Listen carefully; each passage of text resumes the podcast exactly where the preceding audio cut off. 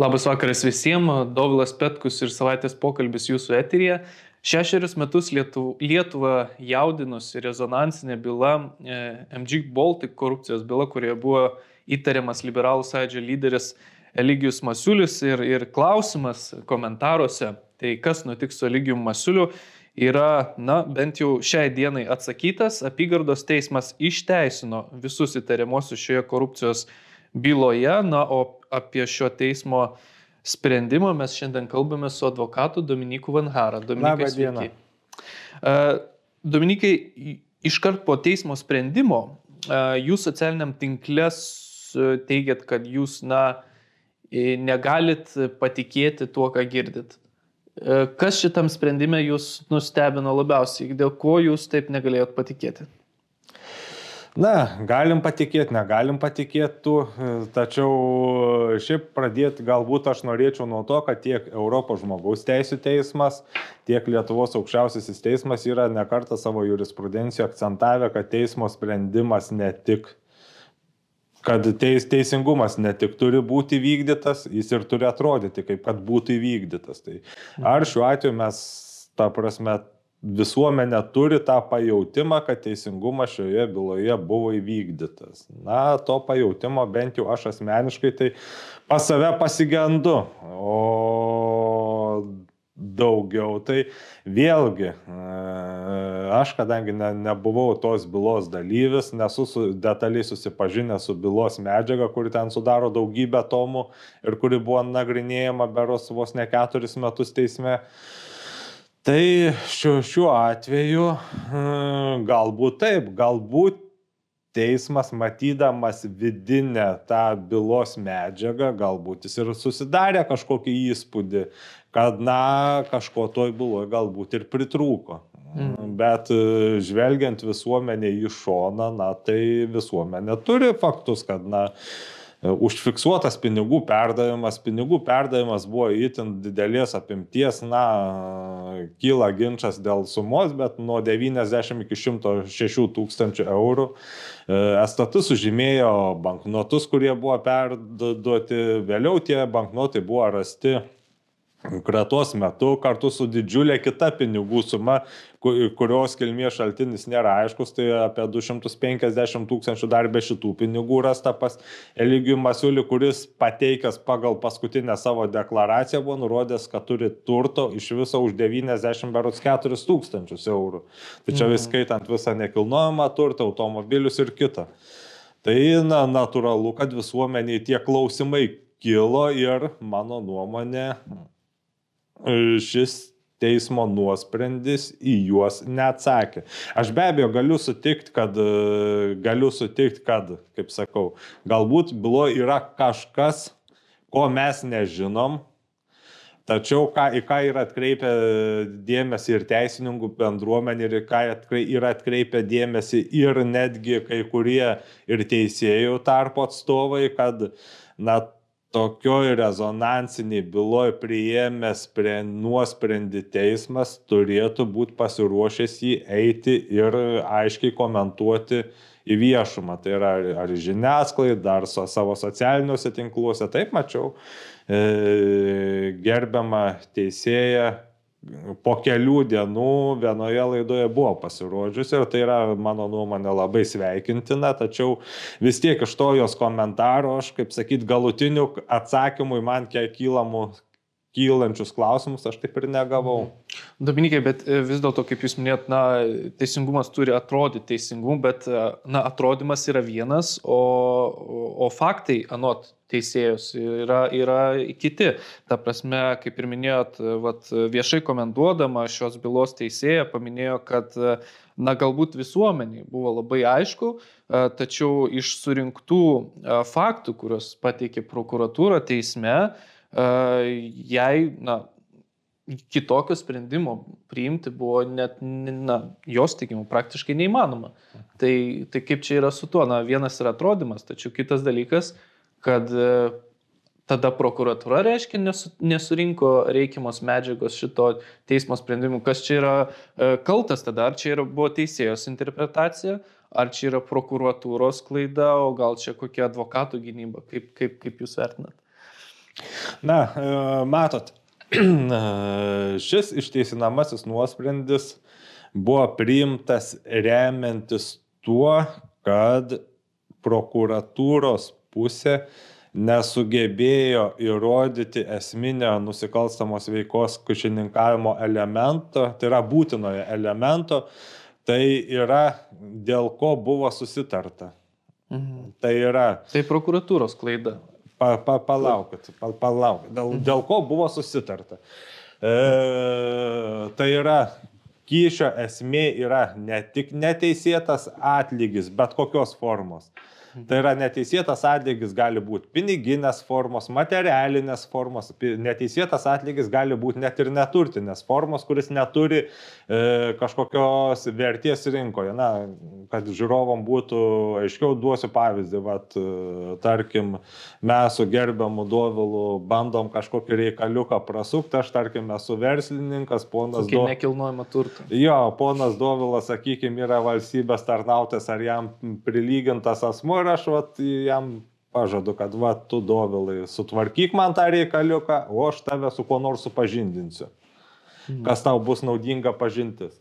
Tai taip, to, to, toks mano pažadas atsilyginti nėra turtinis, nes, nu, kaip įvertinsi supažindinimą. Bet, bet tai, tai irgi gali būti kaip kyšis. Taip, tai yra irgi kyšis, nes aš akivaizdžiai siūlau tamstą supažindinti su kažkuo, atsidėkodamas už mano naudai priimtą kažkokį vienokį ar kitokį sprendimą ar vienokį ar kitokį mano reikalo sutvarkymą. Va, tai yra, yra būtent e, neturtinis atlygis ir jis irgi yra laikomas kyšiu.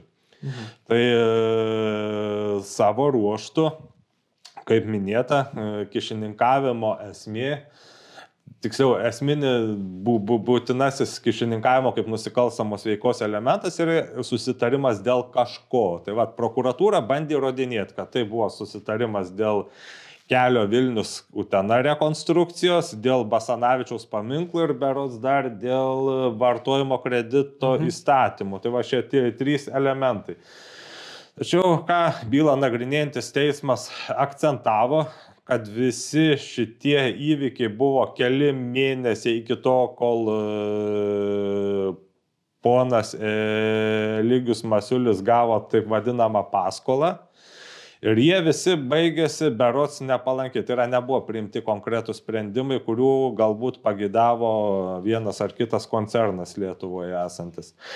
Tai bylą nagrinėjantis teismas tą ir padarė išvadą ir tą komentavo viešumoje, kad jeigu prokuratūra įrodinėja, kad va, už šitą buvo atsilyginta va šituos sprendimus, mhm. tai, vadi, tai vadinasi, tų sprendimų negavo, už ką mokėjo pinigus. Tačiau atkreipčiau dėmesį, kad kaip tik ruoždamas šią laidą susipažinau su naujausia aukščiausio teismo praktika, kaip to, to, tokiuose e, bylose yra nagrinėjama ir aukščiausiasis teismas yra savo praktikoje akcentavęs, kad e, nusikalstama veika kišininkavimas gali būti padaromas keliais alternatyviais būdais. Tai yra pareikalavus kyšio, susitarus priimti kyšį, kyšį priėmus arba provokuojant duoti kyšį bet kurį iš šių, veik, e, šių veiksmų padarus nusikalstama veika yra laikoma baigta, kadangi kišininkavimas BK225 straipsnis yra aprašytas formalė nusikalstamos veikos sudėtimi. Tai yra nebūtina padarinių. Tai yra aukščiausiasis teismas aiškiai akcentavo, kad net jeigu valstybės tarnautės ar jam prilygintas asmuo nepadaro to, dėl ko buvo susitarta, bet paima. Ne? Bet arba paima, arba susitarė, arba provokavo, arba reikalavo. Tai reiškia, nusikalstama veika yra baigta. Čia tai turbūt pats tas ar tai yra kyšis? Klausimas liko neatsakytas ar ne, nes Na, Lygius Masulis sakė, kad čia buvo tiesiog paskola, jie netgi atsinešė teismas tą paskolos raštą, kurį... Jo, teismas nelabai patikėjo, kad tai yra paskola, nes na, akivaizdu, kad e, visų pirma nesilaikyta privalomas notarinės formos, kadangi nuo 2015 metų visos paskolos, kurios yra suteikiamos grinais pinigais ir kurių suma viršia 3000 eurų, privalo būti sudaromos notarinė forma. Šiuo atveju notarinės formos nebuvo. Visų antra, tas paskolos raštelis kažkodėl atsirado tik po keturių mėnesių mėnesių po to, kai buvo pradėtas iki teisminis tyrimas ir atlikti iki teisminio tyrimo veiksmai. Tai yra kratos, sulaikymai ir taip toliau.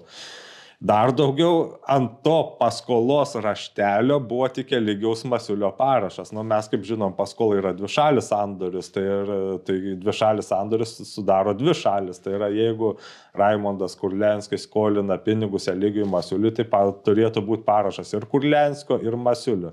Tai praktikoje kartais tai būna, kad e, aš, tarkim, pasirašau jūsų egzempliorių, jūs pasirašot mano egzempliorių. E, bet, bet pas Eligiaus Masiulio egzemplioriuje buvo tik Eligiaus Masiulio parašas. Eligiaus Masiulis sakė, kad, kad Raimondas Kulenskis kaip džentelmenas pasitikėjo ir, ir jam užteko vieno parašo. Kad, kad ši paskola būtų Na, okay. gauta. Uh, Dominikai, taip pat e, teko, teko kiek stebėti lygiaus Masiulio būtent aiškinimas ir komentavimą po šios bylos. Jisai būtent tą ir minėjo, kad, kad šiai gautai pas, paskolai e, prokurorai bandė pritemti priežastį, e, kad, kad dėl ko buvo sumokėti šie pinigai. Kaip yra dėl to prokuratūros pritempinėjimo šioje byloje, kaip jūs tai matote tokį pasakymą? Mhm. Na, pritempinėjimas ar nepritempinėjimas, tačiau reikėtų šiuo atveju atsižvelgti į tokį esminį momentą, kad e, korupcinės nusikalstamos veikos jos yra pakankamai sudėtingai įrodomos, kadangi jos pasižyminčios itin aukštų latentiškumu. Tai yra abi šalis, tai yra tiek išo davės, tiek kyšio gavėjas yra nusiteikusios tą aplinkybę slėpti ir uh, užsiminėti konspiraciją ir taip toliau. Tai šiuo atveju tai, yra skirtumas nuo daugelio kitų baudžiamajam kodekse įtvirtintų nusikalstamų veikų, kad, kuriuose yra aiškus nukentėjusysis, tar, tarkim, vagystė. Nu, tai yra žmogus, kuris neteko kažkokio turto, jis aišku, jis sužino, kad jis neteko kažkokio turto, jis eis skūstis, jis rašys pareiškimą policijai aiškiai duos parodymus, koks tas turtas buvo, kaip jis atrodė, kokiu būdu jis neteko jo, kada jį paskutinį kartą matė, na taip toliau, taip toliau, pro policija tada gauna tą visą, visus duomenis ir jau gali tokiu būdu vykdyti tyrimą. Šiuo atveju korupcinės nusikalstamos veikos jos yra pakankamai sudėtingos, kadangi kaip ir sudėtingai ir užfiksuojamos, ir sudėtingai įrodomos, nes kaip minėjau, abi šalis yra nusiteikusios jas liepti ir be to tam, kad įrodytum tokią nusikalstamą veiką kaip kišininkamas, reikia įrodyti atlygį. Tai yra arba susitarimą dėl atlygio, arba provokavimą duoti atlygį, arba gavimą atlygio, arba reikalavimą duoti. Tas yra ne, pakankamai sunku. Ir antra, dar reikia įrodyti tą būtinį elementą, dėl ko buvo susitarta, dėl ko buvo tas kyšis duotas, reikalautas, provokuotas ir taip toliau. Tokiu būdu gaunasi tokia situacija, kad jei bent vieno to elemento neįrodai, na tai ta, ta nusikalstama veika gali ta lik neįrodoma. Savo ruoštų šio, ši byla atrodė ypač stipriai dėl to, kad yra aiškiai užfiksuotas pinigų perdavimas. Užfiksuotas, pinigai rasti, e, užfiksuota, kas juos perdavė, kam perdavė, netgi kada perdavė, kokiu būdu perdavė. Viskas tas yra užfiksuota ir atrodo, tokiu, bylu, tokiu būdu byla yra pakankamai stipri. E, tačiau, kaip matom, teismas dėl kažkokių jam žinomų, tik jam ko gero žinomų priežasčių nusprendė užkelti tą įrodinėjimo kartelę tiek aukštai, mm, tai yra ne, ne, ne tik pačiam atlygiui, bet ir tam vat, susitarimo elementui. Tiek aukštai, kad, na, jau pro, pro, pro tą kartelę praktiškai pralysti tampa neįmanoma. Ir čia šiuo atveju man kaip advokatui kyla toks, sakykime, pakankamai aktualus klausimas kaip čia taip nutinka, kad smulkioji korupcija Lietuvoje ir įrodoma, ir nuteisiama, ir nubaudžiama, tačiau kiekvieną kartą, kai mes išeinam į stambėją korupciją, viskas baigės arba niekuo, arba beveik, beveik niekuo. Mes per 32 nepriklausomybės metus praktiškai neturim jokio pavyzdžio, kad galėtumėm parodyti, kad vat, stambioji korupcija buvo išaiškinta nuteista ir nubausta. Vienintelis pavyzdys, tai galbūt ta buvo darbo partijos juodosios buhalterijos byla, byla kuri ten baigęs be išteisinimų beveik pagal visus kaltinimus, įskyrus vieną. Tai yra melagingas buhalterinės apskaitos vedimas, tai yra nesunki nusikalstama veika, ten Uspaskikas, Gapšys ir Vonžutaitė atrodo po kelis tūkstančius baudos gavo. Na tai mm. bent jau kažkas kuo pasibaigė, nu ne, ne visišku fiasko, o daugiau tai dažniausiai baigėsi visiškais išteisinamaisiais nuosprendžiais. Ir paskutinis toks be šios bylos buvo aukščiausiam teisme priimtas išteisinamasis nuosprendis Pakso ir Vainausko byloje. Ir komentuodamas šioje byloje priimtą išteisinamą į nuosprendį šios teisėjų, nuo aukščiausio teismo bylą nagrinėjusios teisėjų kolegijos pirmininkas, jį komentuodamas, man atrodo, pateikė, bet esmę, kodėl tos bylos sužlunga. Jis pateikė tokį paaiškinimą, kad žiūrėkit, ta nusikalstama veika, ten kišininkavimas, prekyba poveikiu, jos yra, lab, jos yra sunkios nusikalstamos veikos, kurias, mm, kurios nuteistom pagal tuos straipsnius, asmen, nuteistiem pagal tuos straipsnius asmenim gali užtraukti ypač sunkia baudžiama atsakomybė. Todėl teismas tam, kad priimtų apkaltinamai nuosprendį tokioj byloj, turi gauti pakankamai įtikinamus įrodymus. Aš, mhm. o aukščiausio teismo vertinimo, to būtent Pakso Vainausko byloje, ten buvo iš įrodymų pokalbis įrašytas Pakso ir Vainausko, kad va, tu čia sutvarkyk, o už tai bus 15 tūkstančių eurų partijos ar paramai.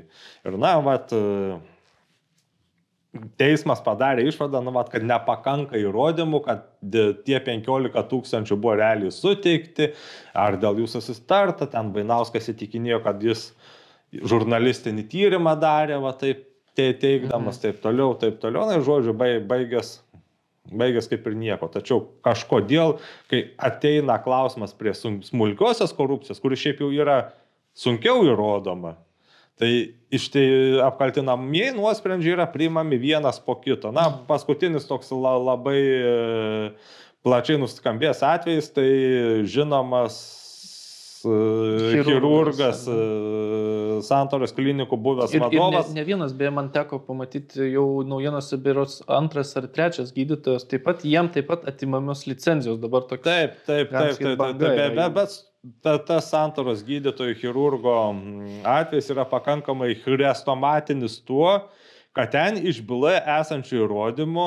buvo e, STT vykdant kriminalinę žvalgybą, kadangi ponas e, Strupas buvo įtariamas gerokai sunkesniem nusikalstamom veikom, gerokai, kur, kurios baigęs niekuo, bet, bet jo kabinete buvo su, sumontuota pasiklausimo ir įrašymo įranga vaizdo ir ten buvo užfiksuota, kad, na, gydytojas priminėja pacientę, pildo dokumentus ir pacientė jam į kišenę įdeda voką, vokelį.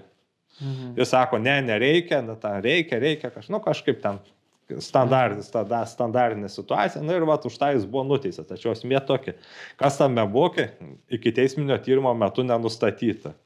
Buvo bandyta liktais daryti ekspertizę ir ten pagal taip, kaip tas vokas persišviečia, taip žalsvai, tyrės padarė išvadą, kad galimai menamai, bet neįrodytai, kad tai buvo šimtas eurų.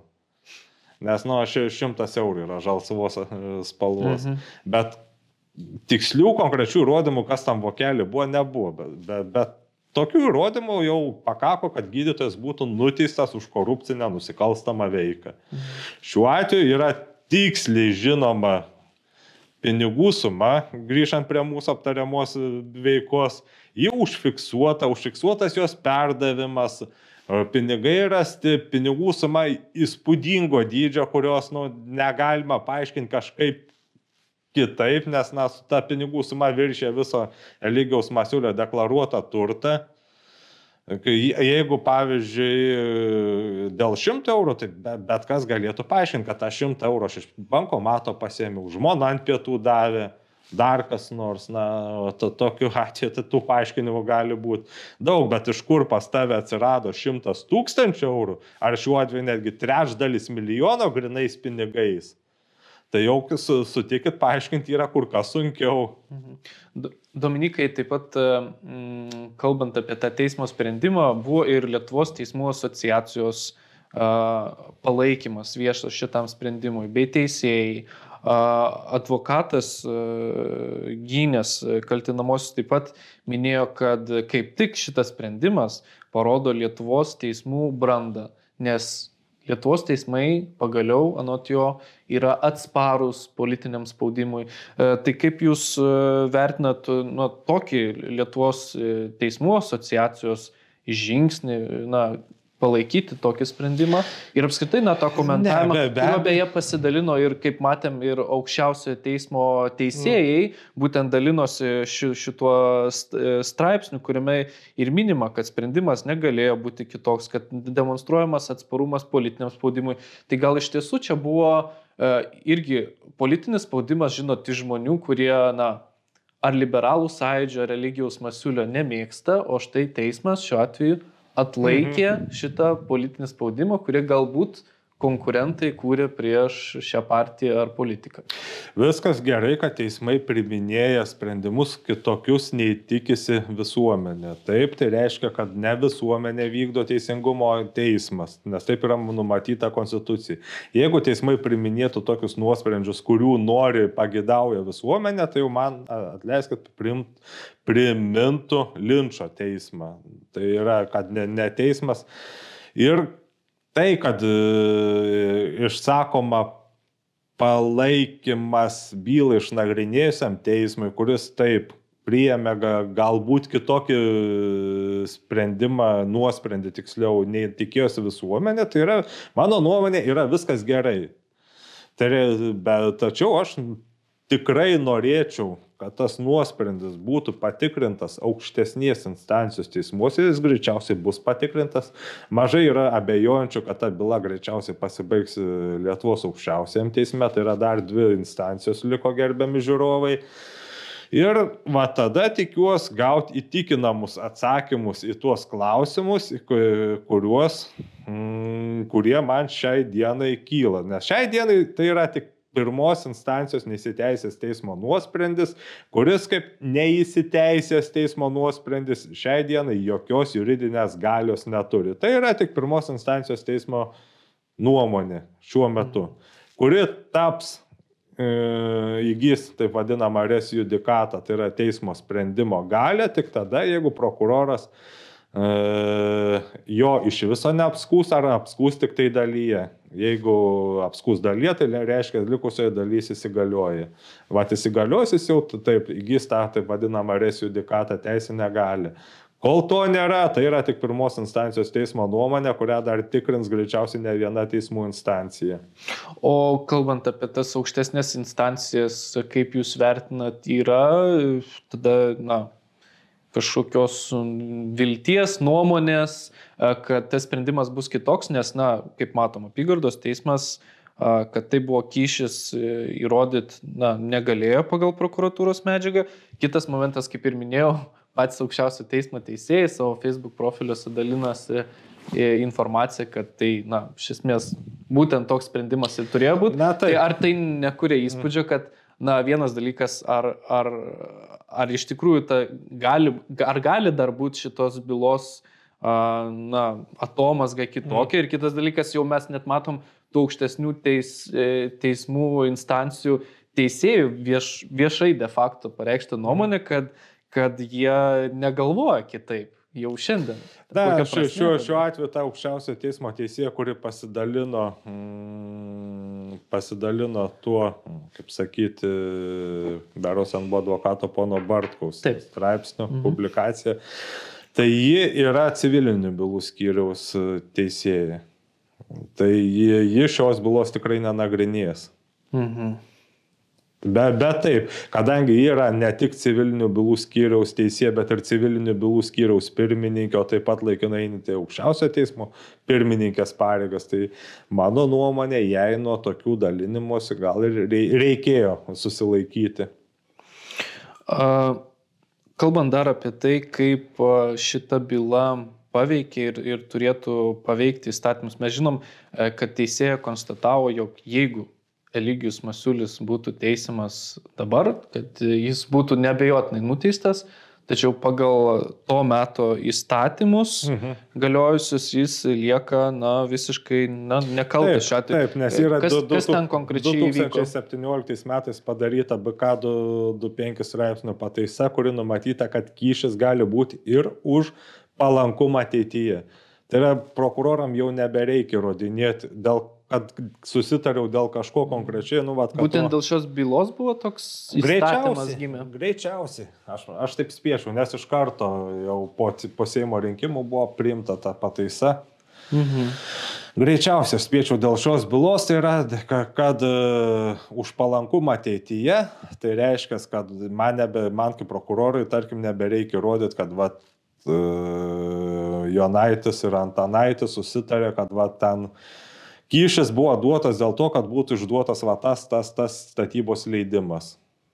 Mhm. O šiaip tiesiog už palankumą ateityje. Tai va tuo atveju, jeigu ši byla būtų nagrinėjama, tai tiksliau Masiulio atvejs būtų nutikęs dabar, jis be abejo būtų jau nuteistas, jau be, be abejonės. Tačiau reikėtų atkreipdėmėsi tai, kad, kad, kad, kad, kad, kad logiškai, sistemiškai aiškinant be BK 225 straipsnio nuostatas, e, bent jau mano subjektyviu įsivaizdavimu, tai vėlgi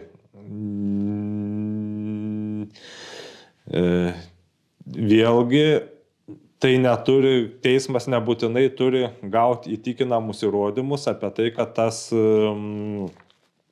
buvo susitarta dėl kažko labai konkrečiai. Nes e, BK tuo metinė ir dabar galiojanti formuluoti yra už tai, kad teisėtai veiktų, neteisėtai veiktų, teisėtai neveiktų, teisėtai neveiktų. Tai, tai va, tie, tie keturi elementai. Tai, uh, Akivaizdu, kad jeigu teismas netiki, kad tai buvo gauta paskola, gauta, e, o pinigai yra gauti, tai jie už kažką buvo gauti. Mhm.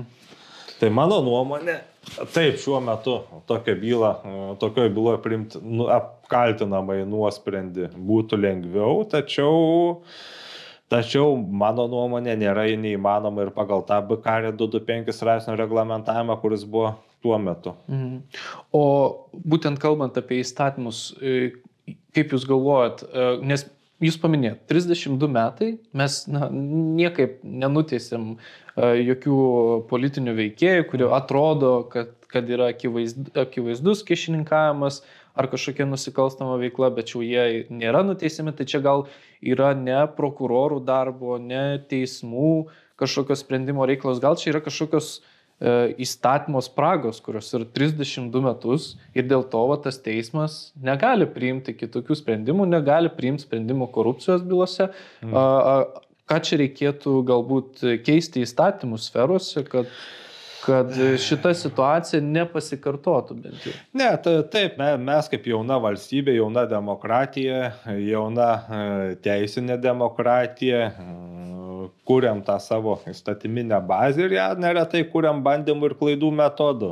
Yra toks, žinot, logikoje taikomas metodas, kai bandai klysti, tada iš klaidų mokaisi, tada vėl bandai, iki kol galiausiai kažką gero, iki kažko gero prieini.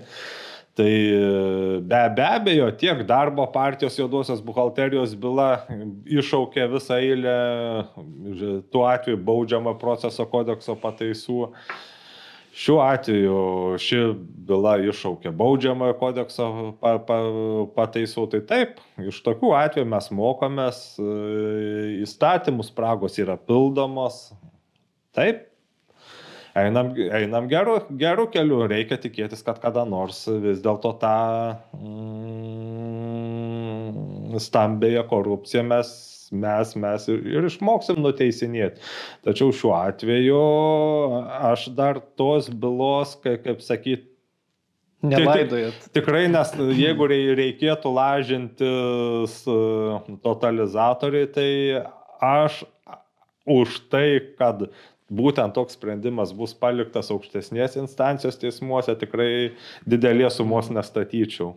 Bet turbūt Eligijus Masiulius, na, čia vėlgi jūsų spėjimas galbūt, uh, turbūt jis į Belangę, taip sakant, nesėstų. Čia galbūt tada klausimas tik dėl tos kodėl manot, paskolos. Paskolos, ar, ar, ar jūs manot, kad vis dėlto jis sėstų, Jeigu ar vis dėlto, kad nu, teismas aukštesnis priims sprendimą, kad tarkim, na, galbūt tuos pinigus nebereikia gražinti Eligijui Masiuliui, o bet palikti į laisvę. Jeigu bus priimtas apkaltinamasis teismo nuosprendis, tai mm, kodėl turėtų nesėsti? Jeigu teismas padarys, mm, aukštesnės instancijos teismas, tarkim, me- menamai galimai pri, priimdamas kitokį sprendimą, nuosprendį, nei yra Mhm. priimtas dabar, ir jis padarys e, išvadą, kad nusikalstamos veikos sunkumas yra didelis ir kad yra, a, tiksliau, nėra sąlygų neskirti su realia laisvės atėmimo bausme mm, nesusijusios bausmės. Tai Mhm. kodėl ne? E, Dominikai, dabar taip pat daugybė e, diskusijų yra apie tai, kas buvo, na, šitos bylos e, priežastis, nus, galima sakyti, pats e, nusikaltimo šaltinis ir, pavyzdžiui, e, po bylos e, atsirado nemažai iniciatyvų ir iš dabartiniam finansų biudžeto ko- komitete kalbama, kad problema tai buvo grinėjai pinigai. Apskritai, kad, Mhm. na, ir tokie, toks dalykas, kaip leidimas žmonėm atsiskaitinėti, teikti paskolas didesnės negu, tarkim, porą tūkstančių eurų grinais, kad tai yra problemos šaltinis, kurį reikėtų, na, užkardyti, apriboti ir panašiai. Kaip Jūs galvojat, čia iš tikrųjų tas būtent, galim sakyti, neribojamas atsiskaitimas grinaisiais pinigais ir sudaro galimybės Aš čia išvelgčiau bankų lobizmą. Elementarų Mhm. naudojantis esamą situaciją, nes man tai iš tikrųjų kaip advokatui jokingai atrodo teiginiai, kad vat, korupcija klėsi dėl to, kad vat, mes leidžiam atsiskaitimus grinaisiais pinigais daugiau kaip Nu, esą yra tada šešėlius sudaromas sąlygos. Tai pa, palaukit, žiūrėkit, tai korupcija ir taip yra ne tik neteisėta veiks, tai ir nusikalstama veika. Tai kaip jūs ruošiatės užkardyti nusikalstamą veiką, padarydami neteisėtais atsiskaitimais civilinės teisės prasme virš 3000. Tai mano, tam tiems, kas daro tu, tas nusikalstamas veikas ir kurie ruošiasi 100 tūkstančių eurų kyšį ar panašiai, Tai užkardis kai tam, kad civiliniam kodekse bus ar kažkokiam kitam teisės akte bus parašyta, kad atsiskaitimai virš 3000 eurų yra grinais pinigais neleidžiami. Mhm. Nu, tai aišku, kad neužkardis.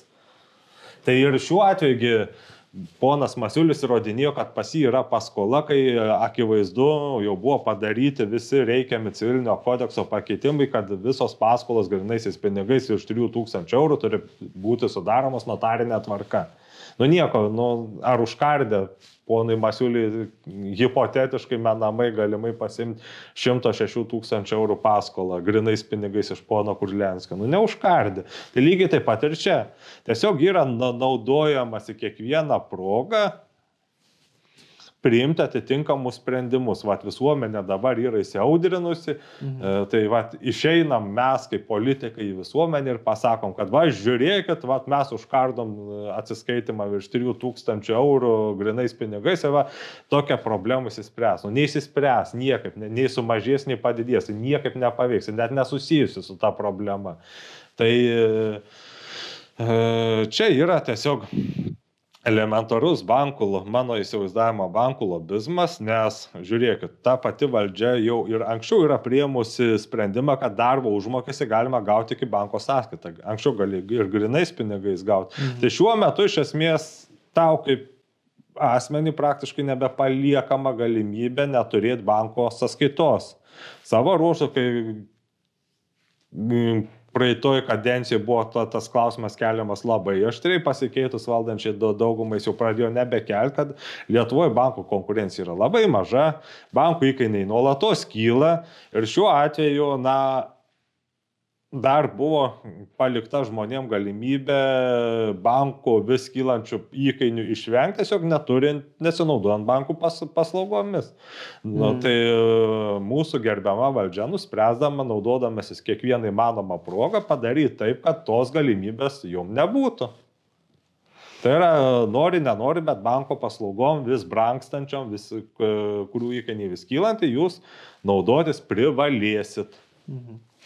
O dar kalbant apie apskritai politinių partijų ir politikų finansavimą Lietuvoje, nes berots ir, ir Raimondas Kulenskis buvo minėjęs, bet ir apskritai tokių komentarų buvo pasirodę viešumoje, kad, kad štai irgi šita situacija tokia ne, ne, nemaloni, tie teisminiai procesai irgi gimsta todėl, kad Lietuvoje egzistuoja, na, tokia pernelyg griežta e, politikų rėmimo ar palaikymo sistema, e, kuri, pavyzdžiui, na, kitose šalise, nu, kokiose jungtinėse valstijose tiesiog verslai ar žmonės tiesiog deklaruoja ne, sumas, mhm. kuriomis jie remia ir, ir, ir atvirai tas sumas duoda politikam, kuriems, kurie jiems patinka, jie net neslepia, kad jie, tarkim, turi interesų kažkokioje srityje ir jie palaiko tą politiką, kad jis e, stengtųsi dėl jiems e, palankių sprendimų.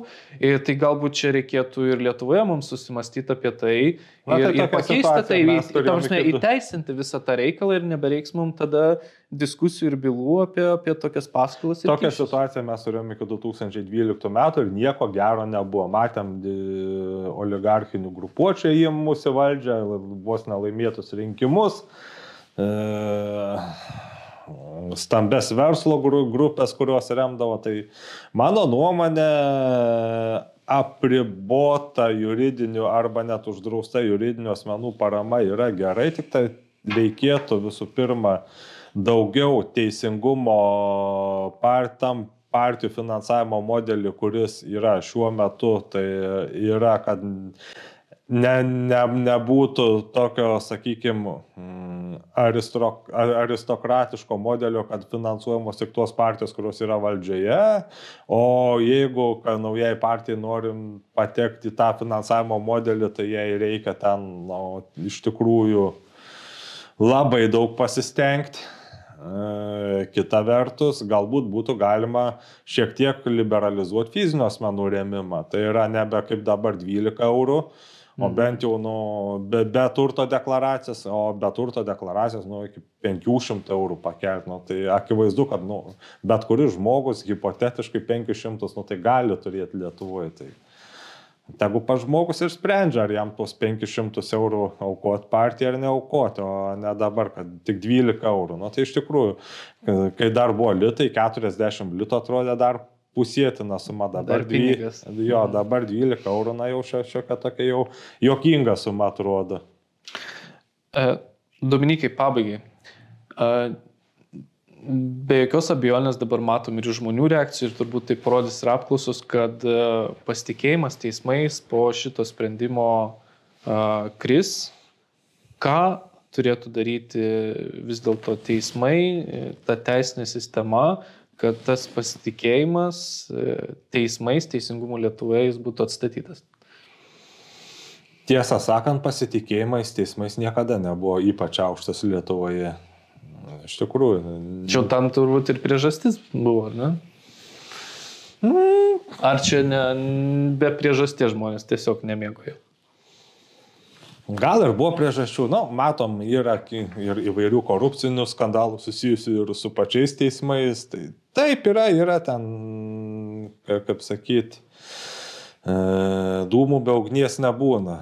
Bet ką teismai galėtų padaryti, tai mano nuomonė, ką ir siūlė kai kurie teisėjai, tai tie tiesą sakant, būti atviresni visuomeniai, labiau aiškinti sprendimus, disku, eiti kad teisėjai normaliai vaikščiotų į laidas, komentuotų savo sprendimus, dalyvautų diskusijose su teisininkais, žurnalistais, mhm. kad nu, būtų normali diskusija, kodėl toks sprendimas priimtas, ne, ne kitoks. Kad nu, vis, visuo... tai labai retai yra. Jo, teisė, kad, kad visuomenė galėtų tą diskusiją matyti, išgirsti argumentus vienos, antros pusės ir galbūt pamatytų, kad tas sprendimas nu, tikrai turi argumentų. Tai ne, ne, nėra taip, kad teisėje pažiūrėjo lubas ir nusprendė, kad ponas Masiulis nekaltas. Mhm. Kad galbūt tikrai yra tam sprendime ar nuosprendį argumentų, kurie poną Masiulį teisina.